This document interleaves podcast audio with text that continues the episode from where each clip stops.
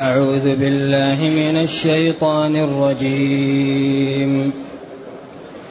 ولا تجادل عن الذين يختانون أنفسهم. إن الله لا يحب من كان خوانا أثيما. يستخفون من الناس ولا يستخفون من الله وهو معهم إذ يبيتون ما لا يرضى من القول.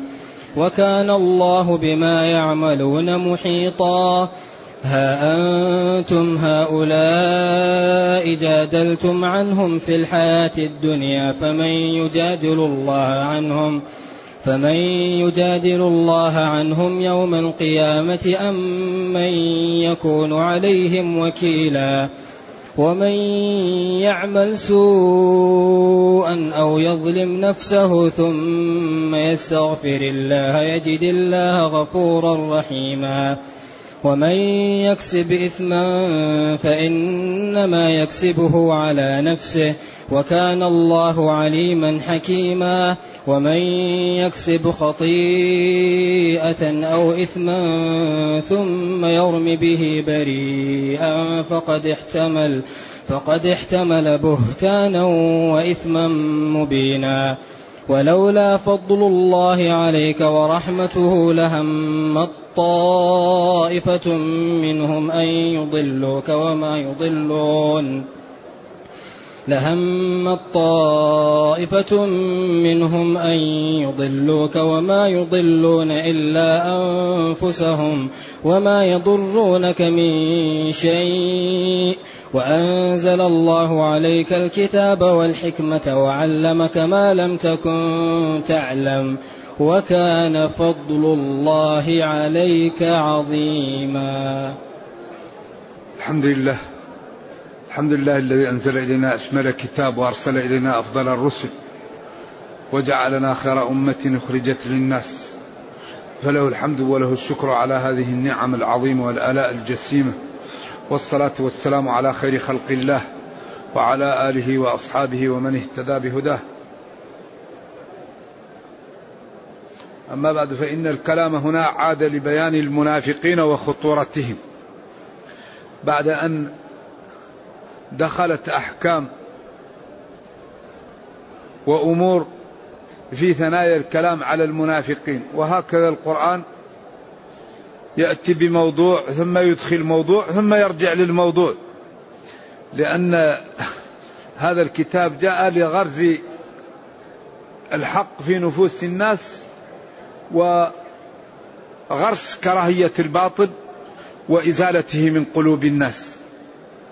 إذا يتخذ لذلك أشكالا متفرقة وطرقا متعددة لترخيص ترخيص الإيمان ترسيخ الإيمان في القلوب وإزالة الظلم والنفاق وهذه الأمور من القلوب.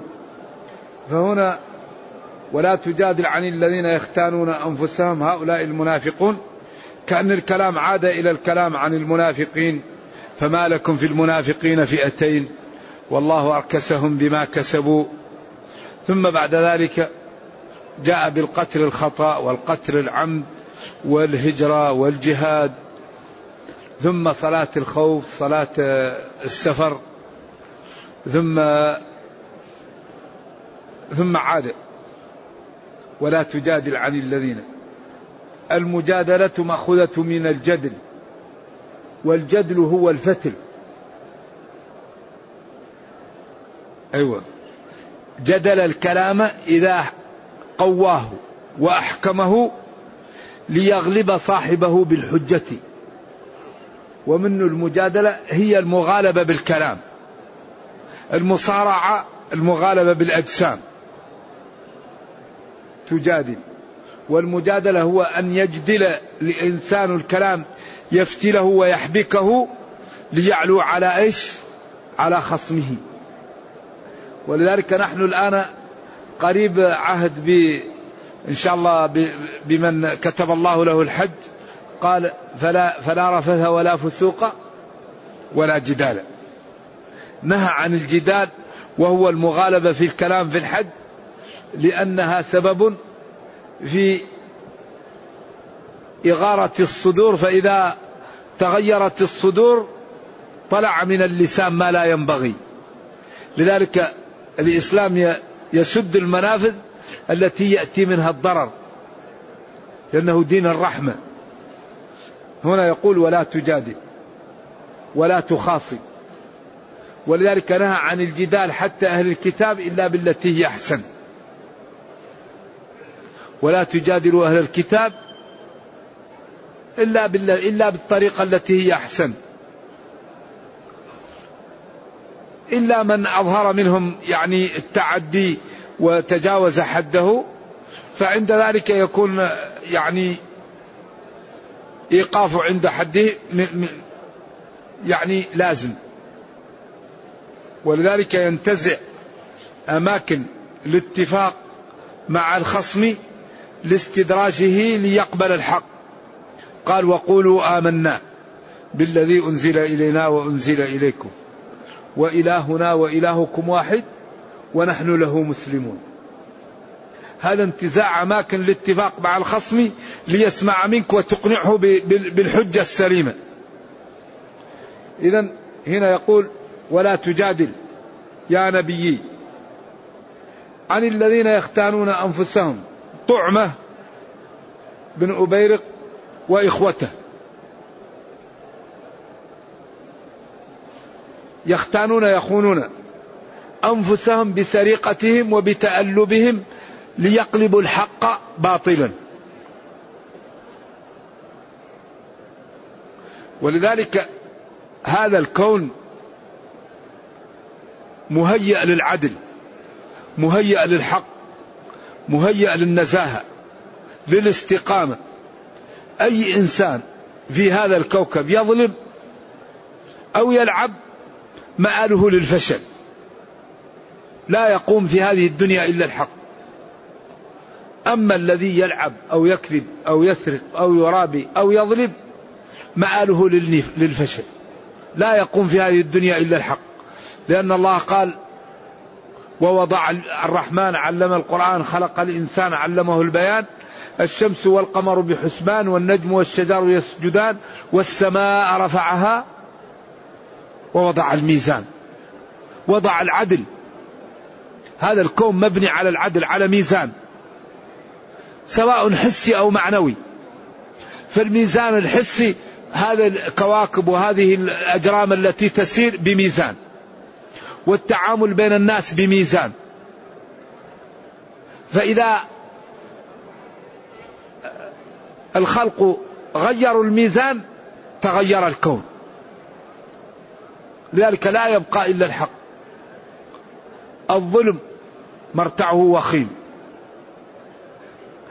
الإتراف مرتعه التدمير. ولذا الذي الذي يبقى الحق. أما الزبد فيذهب جفاء. وأما ما ينفع الناس فيمكث في الأرض.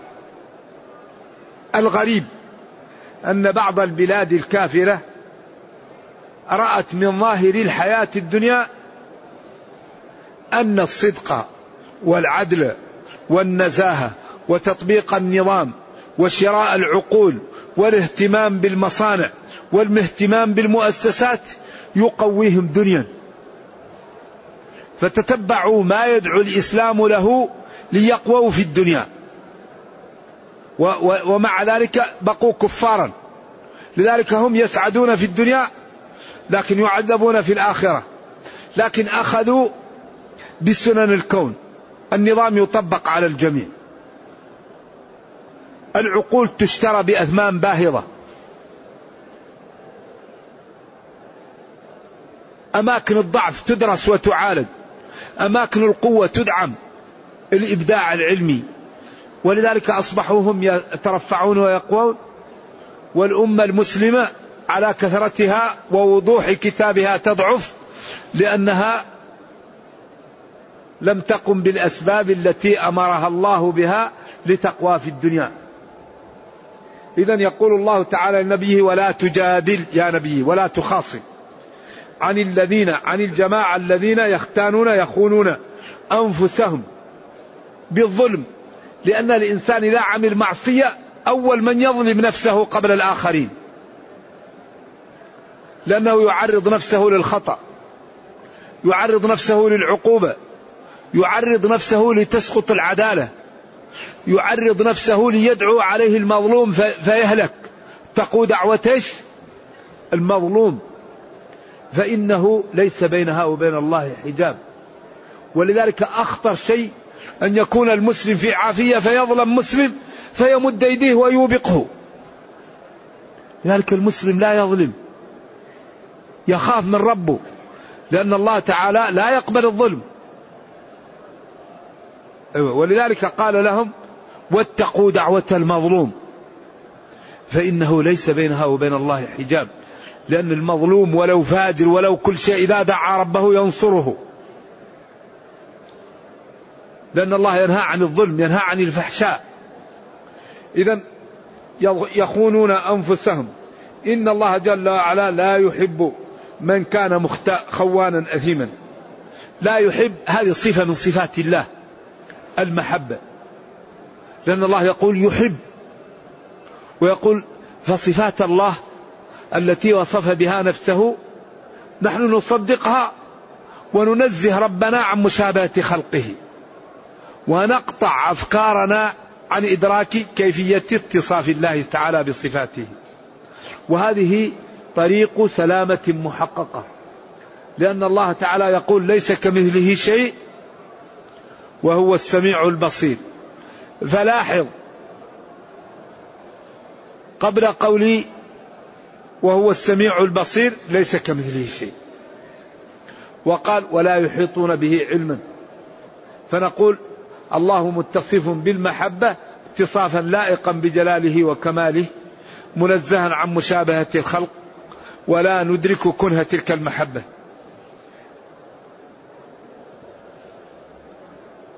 خوان كثير الخيانة أثيما فعيل كثير الإثم.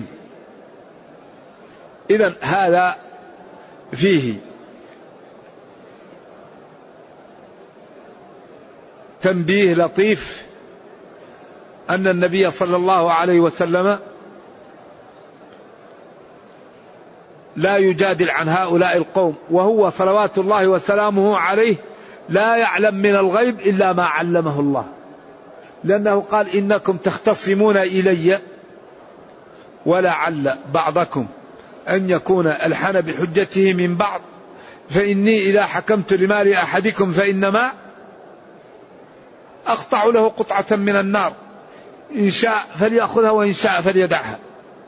ذلك لما جاء هؤلاء القوم وتألبوا وقالوا هؤلاء ظلموه فهو نظر إلى الظاهر وأراد أن يعاتب هؤلاء ويتكلم عليهم فربه قال له ولا تجادل عن الذين يختانون أنفسهم. أي لا تخاصم عنهم لأن هؤلاء يوبقون أنفسهم والله جل وعلا لا يحب من كان متصفا بصفاتهم. وصفاتهم هي الخيانة والإثم. ثم بين صفات هؤلاء القوم. قال يستخفون من الناس. لأنهم جاءوا للمشربة في الليل ونقبوها وأخذوا الدقيق الموجود فيها والدروع والسلاح. ولا يستخفون من الله لأن الله لا تخفى عليه خافية. ولذلك لا ينجي إلا الصدق. ما ينجي إلا الصدق. ما ينجي إلا الإخلاص. ما ينجي إلا إنسان يكون صادق مع ربه. وهو معهم إذ يبيتون ما لا يرضى من القول. يستخفون من الناس ولا يستخفون من الله. والحال أن الله تعالى معهم بعلمه وإرادته وقدرته وهو محيط بهم. لا ما يقوله الحلولية. أعاذنا الله وإياكم من ذلك. لأن الله جل وعلا مستو على عرشه بائن من خلقه والأرض جميعا قبضته يوم القيامة وما تسقط من ورقة إلا يعلمها. فلذلك الحقيقة يستخفون من الناس ولا يستخفون من الله. إذا الذي يستخفي من الناس ولا يستخفي من الله هذا جاهل هذا مغفل. هذا مغتر الناس ما الذي يستطيعون أن يفعلوا لك؟ كل واحد عاجز أن ينفع نفسه. والله جل وعلا أمره إذا أراد شيئا أن يقول له كن فيكون. قال للذين صادوا يوم السبت كونوا قردة فتغيرت أشكالهم. وقال لجبريل أنه يرفع الجبل. مخلوق يرفع جبل فنتق الجبل. نتق كما ينتق الوتد وقال لهم تمتثلوا أو نحط عليكم الجبل. خذوا ما أتيناكم بقوة. يعني بعد. والله جنون الحقيقة. والله معصية الله. يعني العبد إذا علم قدرة الله ورأى هذا وفهم والله يخاف. إذا هؤلاء المنافقون يستخفون من الناس. ولا يستخفون من الله والحال أن الله تعالى محيط بهم وعلمه يعني نافذ فيما يفعلون ولا تخفى عليه خافية وهو معهم بعلمه وقدرته حين يبيتون ما لا يرضى من القول. لذلك قال العلماء أن الله تعالى قال ألم تر أن الله يعلم ما في السماوات والأرض ما يكون من نجوى ثلاثة إلا, إلا هو رابعهم ولا خمسة إلا هو سادسهم ولا أدنى من ذلك ولا أكثر إلا هو معهم ثم ينبئهم بما قالوا. قال ابن عباس بعلمه. إذا ولو لم يقل ابن عباس بعلمه لقلنا معية لائقة بجلاله وكماله. كما قال وما قدر الله حق قدره والأرض جميعا قبضته يوم القيامة. ما السماوات والأراضين في يد الله إلا كحبة خردل. وقال وما تسقط من ورقة إلا يعلمها. وقال ولو أن ما في الأرض من شجرة أقلام والبحر يمده من بعده سبعة أبحر وجعلنا البحار مدادا والأشجار أقلاما وجلس البشر مضروبون في الحصى بلايين السنين يكتبون لجفت البحار وتكسرت الأقلام وما نفدت كلمات الله. ما خلقكم ولا بعثكم إلا كنفس واحدة. قال له ويحك إنه الله. ولذلك يعني أمره إذا أراد شيئا أن يقول له. لكن نحن ينبغي لنا أن نقوم بالأسباب بس ونتكل على الله. قدرة الله نافذة. صالح نبي الله صالح عليه وعلى نبينا الصلاة والسلام. لما تحدوه قومه وقال والله لا نؤمن بك حتى تخرج لنا من هذه الناقة هذه الصخرة ناقة. صخرة تخرج من ناقة؟ ناقة. تخرج من صخرة. صخرة صماء. تخرج من وسطها ناقة. قال قال إذا خرجت تؤمنون؟ قال نعم. قال يا رب اخرج الناقة. فتحركت الصخرة وخرجت الناقة. وأصبحت الناقة لها شرب ولهم شرب. وتحلب ما يسقي أمة كلها. وتشرب الوادي. فجاء أشقاهم. ولذلك من يضلل الله فلا هادي له. فجاء قدار وعقر الناقة. نرجو الله السلام والعافية. إذا نرجو الله أن لا يطمس أبصارنا وأن يهدينا لأن الذي يشقيه الله فلا هادي له. والحال أنه معهم حين يبيتون ما لا يرضى من القول وهو السرقة وجعل في بيت واحد آخر والتعاون على أن يتهموا ذلك اليهودي أو الأنصار الآخر. وكان الله بما يعملون محيطا. ما يمكن أن تكون مصدرية ويمكن أن تكون موصولية بعملهم محيط أو بالذي يعملونه. أي لا يخفى عليه منه شيء. ثم وضح لهم خطورة القضية فقال ها حرف تنبيه. أنتم مبتدأ. ها حرف تنبيه. أولئك الخبر.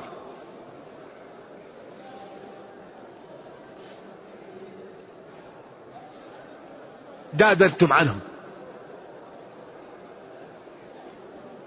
أو أولئك موصول وجادلتم صلة الموصول على القول الثاني. في الحياة الدنيا. إذا أنتم الآن في الدنيا خاصمتم عنهم. وقلتم لم يفعلوا. واستتب ذلك لكم وسلموا. طيب فمن يجادل الله عنهم يوم القيامة؟ يوم القيامة من يجادل الله عنهم؟ أم من يكون عليهم وكيلا. هذه المشكلة. إذا فلت واحد من الدنيا يوم القيامة ما فيه. لأن الرسل يوم القيامة كل واحد يقول نفسي نفسي نفسي. وما فيه. وإذا الإنسان أراد أن يكذب يقول له جلده لا هذا الذي قلت كذب. يوم تشهد عليهم ألسنتهم وأيديهم وأرجلهم بما كانوا يعملون. وقالوا لجلودهم لما شهدتم علينا؟ قالوا أنطقنا الله. أنطقنا الله. الذي أنطق كل شيء. الأنبياء والرسل. نفسي نفسي. لا أستطيع لا أستطيع. طيب في هذا اليوم لا صديق. يوما لا لا لا لا تجزي نفس عن نفس. شيء. ولا يقبل منها. شفاعة. ولا ولا يقبل منها عدل ولا تنفعها شفاعة. لا يؤخذ فداء ولا يشفع أحد ولا ناصر. إذا أنتم في الدنيا إن جادلتم عنهم وسلم لكم ذلك فمن ينجيهم يوم القيامة من الله. أم من يكون عليهم وكيلا يعني يقوم بأمورهم ويحفظهم. إذا الذي ينفع هو التوبة الذي ينفع هو الاستقامة. الذي ينفع هو الإخلاص الذي ينفع البعد من الرياء الذي ينفع البعد من الحرام الذي ينفع البعد من الغش. إحنا الآن في الدنيا الحمد لله من تاب تاب الله عليه. ولكن ثقوا تماما أن الذي يبقى هو الحق. أبدا الدعاية هذه من سوى دعاية لنفسه أنه صالح أو أنه عالم أو أنه تقي أو أنه يفعل ويفعل لا يقبل الله إلا ما كان له. إذا هؤلاء خاطروا بأنفسهم وأوقعوها في الهلكة. ها أنتم هؤلاء جادلتم عنهم في الحياة الدنيا فمن يجادل الله عنهم يوم القيامة؟ ولذلك يوم القيامة هذا هو اليوم الذي تتمايز فيه الناس. اليوم الذي نرجو الله أن لا يفضحنا. أول من يفتضحون القمم يوم القيامة. لأنهم ما صدقوا. القمم الشهيد العالم المتصدق. هذا قمم أفضل الخلق العالم أفضل الخلق المتصدق أفضل الخلق الشهيد. هؤلاء قمم. لكنهم لما كانوا قالوا ولم يصدقوا هم أول من يكون طعم للنار أول من تسعر بهم النار توقد بهم النار. يكونوا كالعشب الرقيق أو كالبنزين الذي توقد به النار. يقال لذا لما فعلت؟ يقول فعلت ليق... ل... ل... لأجلك فيقال له كذبت فعلت ليقال وقد قيل. إذا نبينا صلى الله عليه وسلم قال اعلموا أنه لن يدخل الجنة إلا نفس مؤمنة. ويوم في حجة الوداع لا يدخل الجنة إلا إيش؟ إلا مؤمن. لا كلمات الأربعة التي كان يدعو بها. لا يطوف بعد العام مشرك ولا يطوف بالبيت عريان. ومن كان له عهد فعهده إلى مدته وأنه لن يدخل الجنة إلا نفس مؤمن. غير المؤمن لا يدخل الجنة. من يشرك بالله فقد حرم الله عليه الجنة. ومأواه فلذلك ينبغي لكل مسلم أن يبادر بإخلاص التوبة بإخلاص التوحيد بالبعد عن عن التعلق بغير الله سواء بالدعاء سواء بالرجاء سواء بالخوف سواء بصرف حقوق الله للمخلوقين. بعض الناس يقول لك الأولياء يعلمون الغيب. يقول لك والأبدال والأوتاد وبعدين هؤلاء في الكون ويعلم الغيب. والله يقول قل لا يعلم من في السماوات والأرض الغيب. ويكتبون في كتبهم أنه لا يجوز أن ينكر التلميذ على الشيخ ولو بقلبه. في كتب أنا رأيت فيها هذا. لا يجوز أن ينكر التلميذ على الشيخ ولو بقلبه. وأول تلميذ كما يقولون هو موسى. وأول شيخ هو الخضر. والخضر أخذ المواعيد على المواثيق على موسى أنه لا يستطيع أن أن يتبعه. لأنه على علم علمه الله وهذا على علم علمه الله. لأن موسى سأل قومه من أعلم الناس؟ قال أنا. قال له ربه في مجمع البحرين رجل أعلم منك. قال من لي به؟ قال خذ ميكتل واذهب. فالمحل الذي نسيته فيه هو. فلما نسي الحوت قال ما كنا هذا ما كنا قال ذلك ما كنا نبغي. بعدين فلما جاءه قال له أنا أريد أن نتعلم عليك. قالوا لا تستطيع. قالوا أنا سأصبر. على طول لما جاءوا للسفينة وحملوهم وعرفوا الخضير وحملوهم بغير نول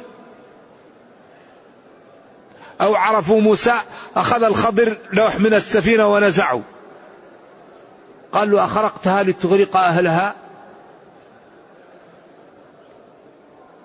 قال له ألم قل إنك؟ هنا في تأدب. ألم قل إنك؟ ما قلت لك أنك لا تستطيع. بعدين شوية وجد غلام قتله قال له منكر نفسا بغير نفس هذا ما عليه صبر قال له ألم أقل لك؟ ألم أقل لك؟ قال له خلاص. بعدين جاءوا لناس ولم يستضيفهم قالوا ليش تصلح لهم الجدار وهم؟ قال له هذا فراق بيني وبينك. حتى ورد عن صلى الله عليه وسلم أنه قال ليته صبر حتى زادنا. وفي النهاية قال أما السفينة فكانت لمساكين يعملون في البحر فأردت أن أعيبها. وكان وراءهم ملك يأخذ كل سفينة سالمة. أيوة. وهنا أردت أن أعيبها لتسلم السفينة للأيتام. وأما الجداء وأما الغلام فكان أبواه مؤمنين وهذا الغلام إذا عاش معهم يوبقهم. فأردنا أن يبدلهما ربهما وأما الجدار فكان لغلامين يتيمين في المدينة وكان تحته وكان أبوهما فأراد ربك أن يبلغا أشدهما ويستخرجا كنزهما رحمة من ربك. والخضر نبي وإن أباها من أباها لأن قتل النفس وتفسيد أموال المسلمين لا يجوز بالإلهام. الإلهام والمنامات لا تؤخذ منها الأحكام. ولذلك هذا قتل النفس لا يمكن إلا بالوحي. قال وما فعلته عن أمري. إذا أيوة هذا إذا هذا وحي من الله وأمره الله.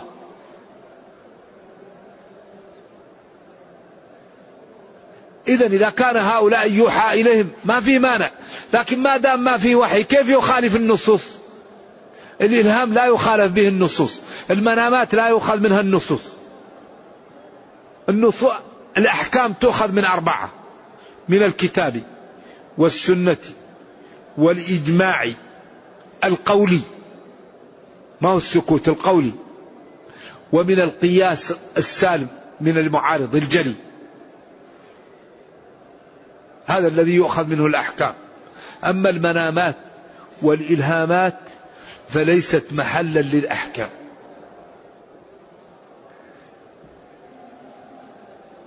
إذا وبعضهم يكتب في كتبه لا يجوز أن تنكر على شيخك ولو بقلبك يا. وغير المعصوم ينكر عليه إذا عمل شيء غير واضح. إما إذا قال لك أن هذا يصح. إذا قال لك أن هذا لا يصح وأتاك بدليل تقبله. إذا لم يأتيك بدليل ولذلك مالك قال كل كلام فيه مقبول ومردود. أه، ما منا إلا راد ومردود عليه. وكون أن الإنسان عالم هذا لا يمنع من الخطأ. وكون أن الإنسان جاهل لا يمنع من إصابة في جزئية. فيبقى هذا عالم عنده جزئيات خطأ وهذا جاهل عنده جزئيات صح والأمر سهل. إذا لا يسلم من الخطأ إلا المعصوم. أما غير المعصوم فقد لا يبلغه الدليل وقد يبلغه ضعيفا وقد يذهل عنه. لكن ينبغي للمسلم أن يكون نصب عينيه النصوص. لأن الله تعالى يقول فإن تنازعتم في شيء فردوه إلى الله والرسول. ويقول تركت فيكم ما إن تمسكتم به لن تضلوا بعدي كتاب الله والسنة.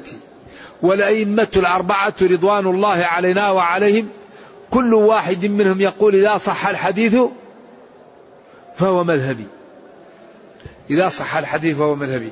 قالوا كل أتباع الأئمة للأئمة عليهم منة إلا البيهقي.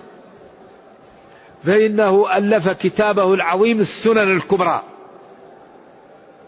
هذا كتاب عظيم في في الفقه وفي أقوال الصحابة والتابعين. ما فيه كتاب أوسع منه في جمع الأحكام. من, من, من أقوال السلف. فقالوا إن البيهقي له منة على الشافعي بتأليفه للسنن الكبرى. لأنه يقول قال إمامنا الشافعي إذا صح الحديث فهو مذهبي وقد حصل صح الحديث فهذا مذهب الشافعي. فقالوا فهذا له منا أصبح على الشافعي لإتيانه بالنصوص وإدخالها في المذهب لأن الشافعية يقول إذا صح الحديث فهو مذهبي وقد صح الحديث فهذا مذهب الإمام الشافعي. وكل منهم يقول هذا وإن كان ضمنا.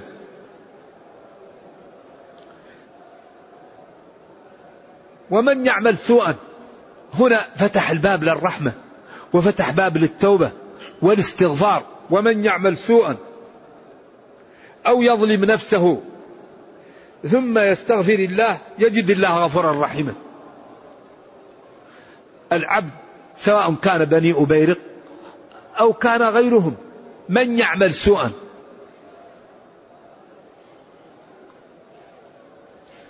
معصية صغيرة أو يظلم نفسه بكبيرة. ثم يستغفر الله يتوب إلى الله ويطلب منه الغفران يجد يجد الله غفورا رحيما.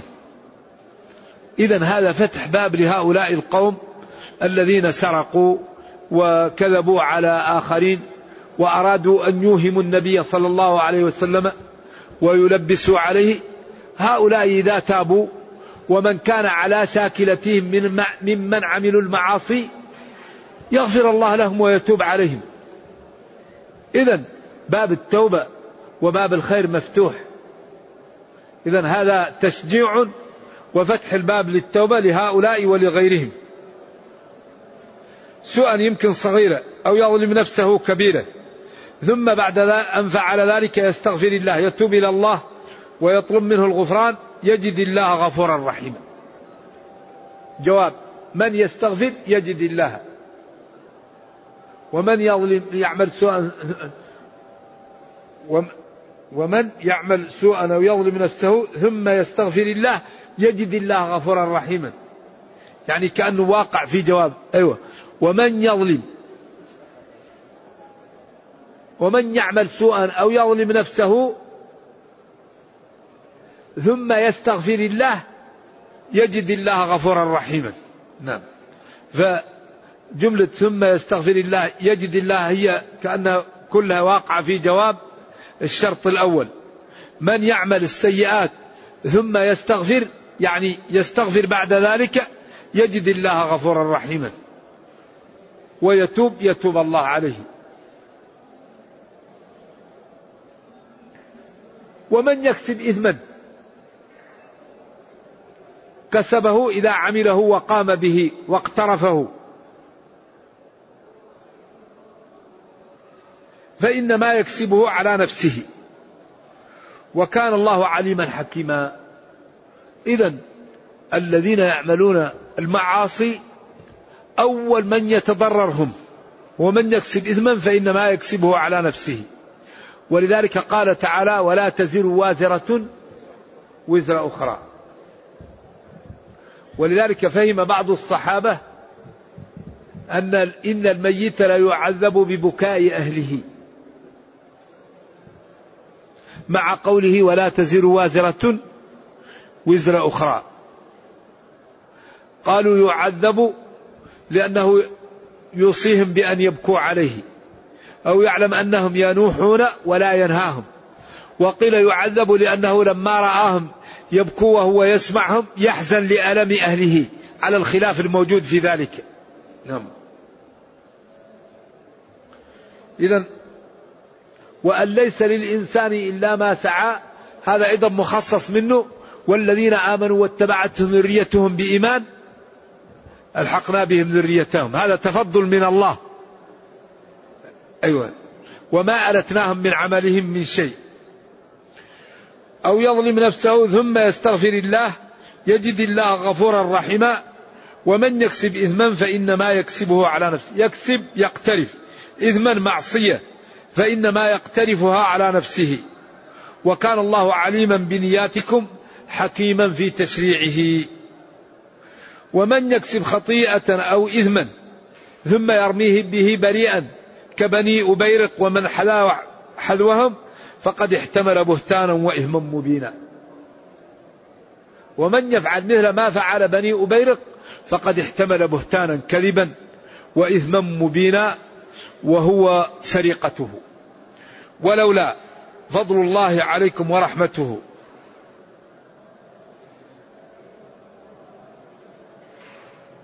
لهم طائفة منهم أن يضلوك.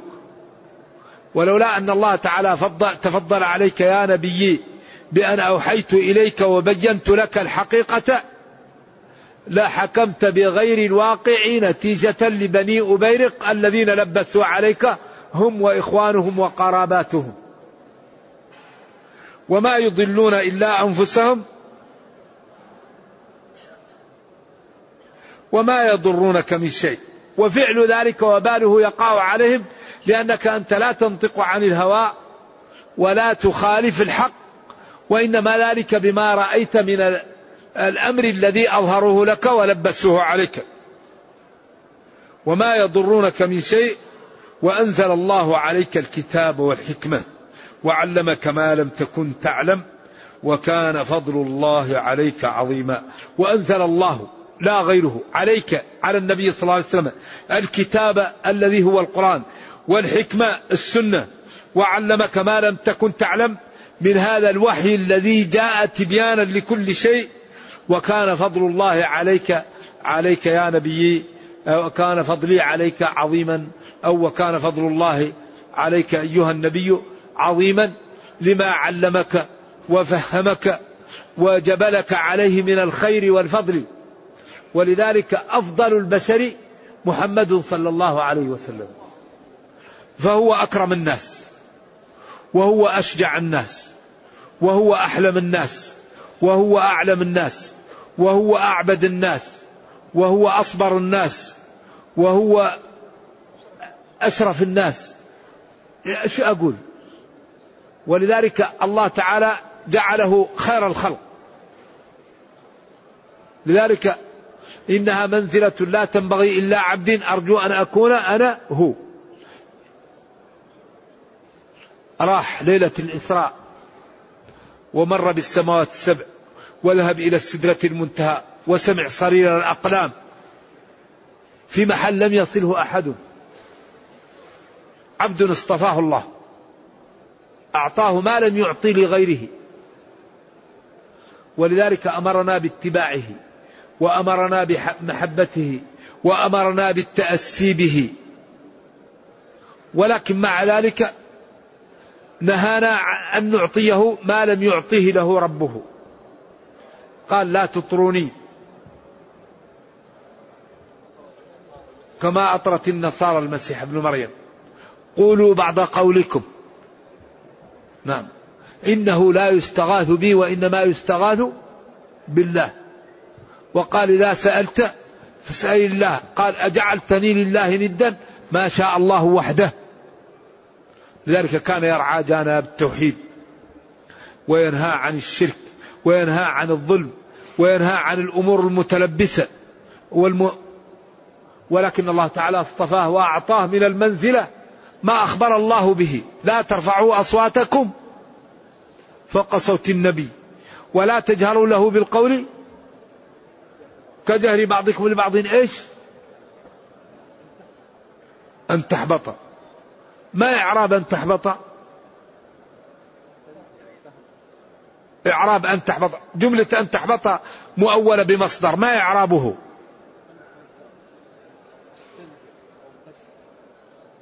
مفعول لأجله كراهة أو لأن لا تحبط أعمالكم والحال أنكم لا تشعرون. وهذا فيه شدة التخويف وشدة الوعيد. إنسان يحبط عمله وهو لا يدري. إذا يجب أن نتأدب مع نبينا صلى الله عليه وسلم. ويجب أن نوقره. ويجب أن نتبعه. ويجب أن نجعله أسوة حسنة. ولكن أيضا يجب أن لا نعطي للنبي صلى الله عليه وسلم ولا لغيره حق الله. فنعلم أنه لا يعلم الغيب إلا الله. قال لا والله وأنا رسول الله لا أدري ما يفعل بي ولا بي. يا عائشة إن كنت ألممت بسوء فتوبي إلى الله. كيف تيكم؟ قال ما كنت أرى من النبي صلى الله عليه وسلم إذا مرضت أنه يشفق علي لكن الآن يقول كيف تيكم؟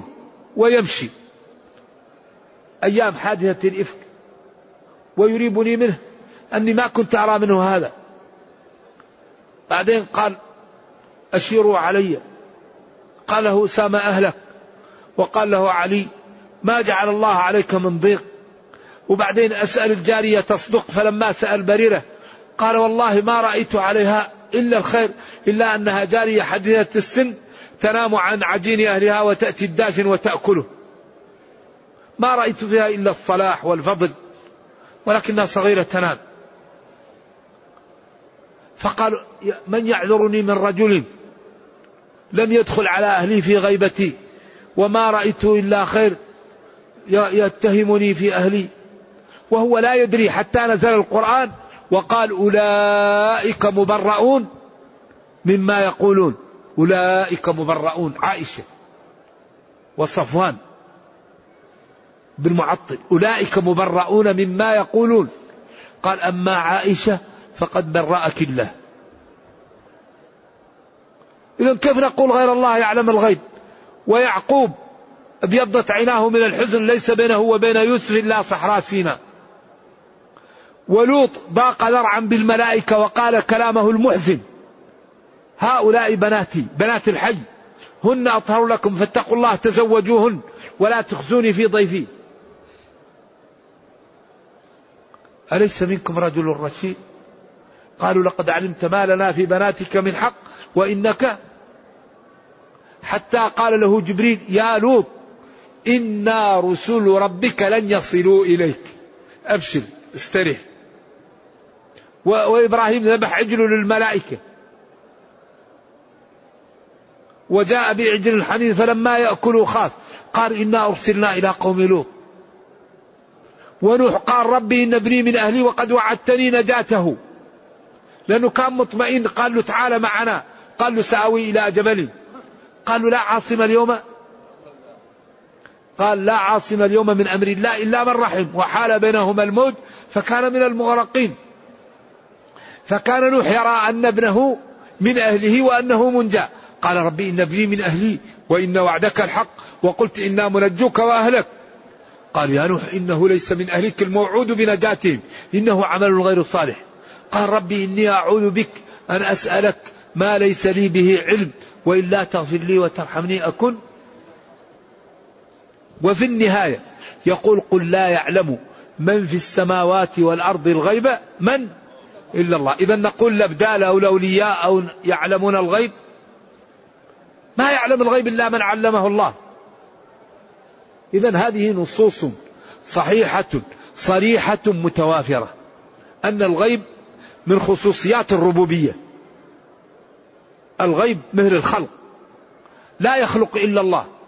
أفمن يخلق كمن لا يخلق؟ لن يخلقوا ذبابا. ولو اجتمعوا له. إذا ينبغي أن لا نعطي حق الله لغير الله. لا يجيب المضطر إلا الله. إجابة المضطر من خصائص الربوبية. إذا لا ندعو غير الله. وقال ربكم ادعوني أستجب لكم. أمن يجيب المضطر إذا دعاه. ويكشف السوء ويجعلكم خلفاء الأرض. بعدين قال قليلا ما تذكرون حيث تفرقون بين إجابة المضطر وبين خلق الجبال والكل حق خالص لله لا يشاركه فيه غيره. إذا ينبغي للمسلم أن يكون قلبه تبعا للنصوص. لا يهم في القائل يهم في القول. لا تحقرن الرأي. وهو موافق حكم الصواب إذا أتى من ناقص. فالدر وهو أعز شيء يقتنى ما حط قيمته هوان الغائص. ف ف فالحق يقبل ممن قاله والخطأ يرفض ممن قاله. ينبغي أن نتعود على قبول الحق وأن نتعود على رفض الباطل. يكون الإنسان فاضل لكن هذا الكلام خطأ. يكون الإنسان ضعيف وجاهل لكن هذا الكلام صح. ولذلك الحق يقبل ممن قاله والخطأ يرفض ممن قاله. الميزان هو الكتاب والسنة. فإن تنازعتم في شيء فردوه إلى الله والرسول. تركت فيكم ما إن تمسكتم به لن تضلوا بعدي. كتاب الله وسنتي. وأوحي إلي هذا القرآن لأنذركم به ومن بلغ. لتبين للناس ما نزل إليهم. ألا إني أوتيت القرآن ومثله معه. فينبغي للمسلم أن يعود نفسه على الأخذ بالنصوص وعلى احترام الناس واحترام العلماء وعلى أن يكون لسانه عفيفا. في فرق بين أن تقول هذا الكلام خطأ وأن تسب العلماء وتشتمهم وتتهمهم. لا ينبغي هذا. قل هذا القول مرجوح بدليل كذا وكذا. وأما تأخذ أعز ما عندك وتعطيه للأموات أو للآخرين هذا لا يجوز. ولذلك ينبغي أن نفصل بين الأقوال والقائلين. القول إذا كان خطأ نفنده. أما القائلون فأمرهم إلى الله. من كان مخطئا فربه يغفر له. ومن كان متعمدا فهو تحت مشيئة ربه. نعم. ولذلك التعود على العفة وقبول الحق ممن قاله وقبول الخطأ ورفض الخطأ ممن قاله. هذا المنهج. وعند التطبيق لا يسلم أحد من الخطأ. إذا أردنا أن نطبق لا يسلم أحد من الخطأ. ما في أحد يتكلم إلا قد يخطئ. لأن أحيانا يكون فيه دليل لم يبلغه. أحيانا يكون هذا الدليل اللي يستدل به منسوخ. أحيانا يكون فيه إجماع ما درى عنه. أحيانا يكون فيه دليل سهى عنه ولم ولم ينتبه له وقت الكلام ويكون اجتهد في محل نص. وتعلمون أن الاجتهادات من شروطها فقد النص. القياس أول قادح فيه إذا وجد النص يسمى فساد الاعتبار. إذا وجد النص بطل القياس. لا قياس مع النصوص. أيوة. إذا وجد النص خلاص. ما يقاس ولا يجتهد ولا شيء. ونرجو الله جل وعلا أن يرينا الحق حقا ويرزقنا اتباعه وأن يرينا الباطل باطلا ويرزقنا اجتنابه وأن لا يجعل الأمر ملتبسا علينا فنضل. ربنا أتنا في الدنيا حسنة وفي الآخرة حسنة وقنا عذاب النار. اللهم أصلح لنا ديننا الذي هو عصمة أمرنا. وأصلح لنا دنيانا التي فيها معاشنا وأصلح لنا آخرتنا التي إليها معادنا واجعل الحياة زيادة لنا في كل خير والموت راحة لنا من كل شر. اللهم إنا نسألك الجنة، اللهم إنا نسألك الجنة، اللهم إنا نسألك اللهم إنا نعوذ بك من النار، اللهم إنا نعوذ بك من النار، اللهم إنا نعوذ بك من النار، سبحان ربك رب العزة عما يصفون، وسلام على المرسلين، والحمد لله رب العالمين، والسلام عليكم ورحمة الله وبركاته.